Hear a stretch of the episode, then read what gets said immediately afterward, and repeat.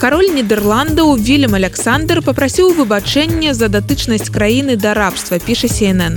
Гэтае выбачэнне пацярпелым народам ён прынёс падчас цырымоніі прысвечанай 160годдзю адмены рабства ў Нідерландах. У гэты дзень, калі мы ўзгадваем галандскую гісторыю рабства, я прашу прабачэння за гэтае злачынства супраць чалавецтва сказаў кароль стоячы ля помніка рабству ў амстердаме і прызнаў не ўсе галандцы падзяляюць яго пачуцці і будуць салідарныя з гэтай прамовай таму што расізм у грамадстве ўсё яшчэ застаецца праблемай зрэшты тысячы гледачоў якія слухали прамову караля сустрэлі яе апладысментамі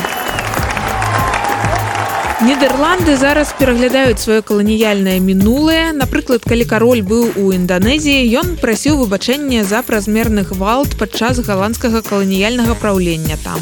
А нядаўна прэм'ер-міністр Марк Руты прызнаў, што яго краіна нясе адказнасць за гандаль рабамі, таму што атрымлівала ад яго выгаду. І яшчэ Нідерланды вернуць Інданезіі шрыландцы сотні каштоўных артефактаў, вывезеных у часы каланіялізму, расказвае BBC. І галандцы не першыя у Еўропе хто просіць выбачэння за каланіялізм Брытанія і Германія таксама пачалі вяртаць культурныя артефакты туды адкуль іх забралі. Увогуле калі надзея на людзей знікае можна спадзявацца над будучыя пакаленні. Вырастуць зразумеюць пераасэнсуюць. Турыст які надрапаў на сцяне калізея памятная айван плюс хейлі 23 таксама пераасэнсаваў свае паводзіны Магчыма, штуршком стаў той факт, што хтосьці засняў яго на відэа і выклаў у сетку з подпісам казёл турыст выразае свае імя на калізею ў рыме. Ці навіна пра тое, што яму пагражае штраф ад двух з паловай да 15 тысяч еўра і таксама турэмнае зняволенне на тэрмін ад двух да 5 гадоў. Урэшце італьянская паліцыя турыста знайшла і ён напісаў выбачальны ліст, які апублікавала італьянскае выданне Іль Месаджеро.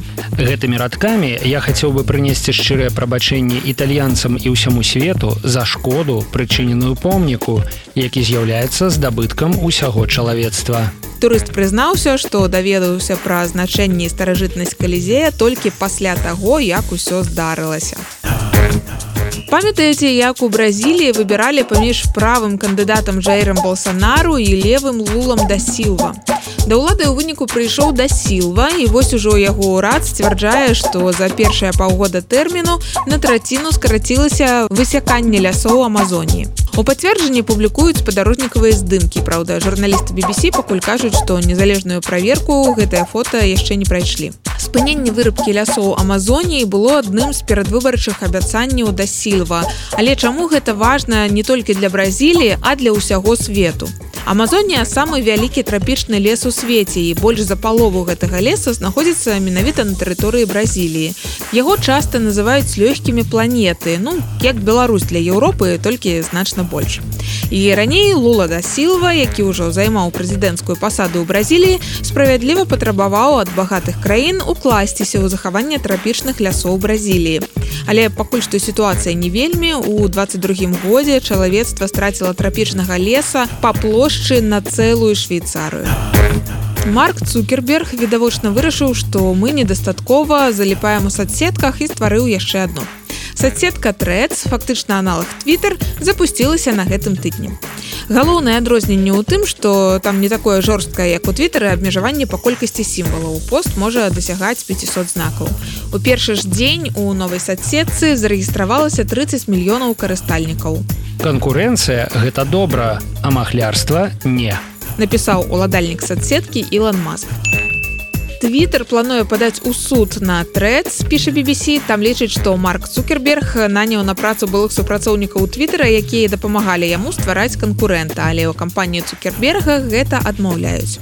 Сам жа цукерберг апублікаваў першы за 10 гадоў твіт увогуле як зрабіць твиттер яшчэ больш таксічным зрабіць яшчэ адзін твиттер Пра што пішуць у беларускім сегменце трэд самы не ведаем. Каб даведацца пра гэта журналістам еўрарадыё давядзецца вярнуцца ў Беларусь, таму што ў еўрапейскім саюзе соцсетку пакуль не запусцілі. Так што прыйдзецца пакуль у твиттары пасядзець. Дарэчы, подписывайтеся на нас і ў твиттары і ў фейсбуку, калі вы з каманды цукерберга. Адгадайце, пра якую краіну размова. Мядзведзіца з медзведзянятамі шосты год запар наведваецца да жыхароў аднаго і таго ж горада. Восень не адгадалі. Гэта гісторыя з амерыканскага штата Канектыкут. Некаторыя мясцовыя жыхары кажуць што іх суседзі баяцца мядзведзіцу менш чым было б варта а іншыя адказваюць што лічаць яе ўвогуле часткай мясцовай супольнасці яна там ужо 6 гадоў расказвае мір ва ўсіх у нас розныя стасункі з гэтай мядзведзіцай яна прыходзіць да мяне ў гараж за ежай а ў суседзяў просто сядзіць на ганку з іх катом так кажа адзін мясцовы жыхар Яна купалася ў маім басейне. а так выхваляецца другі калі ваши адносіны з суседзямі не нагадваюць гэтыя што ж можа вам проста трэба завесці басейн. Інфармацыйная служба еўрарадыо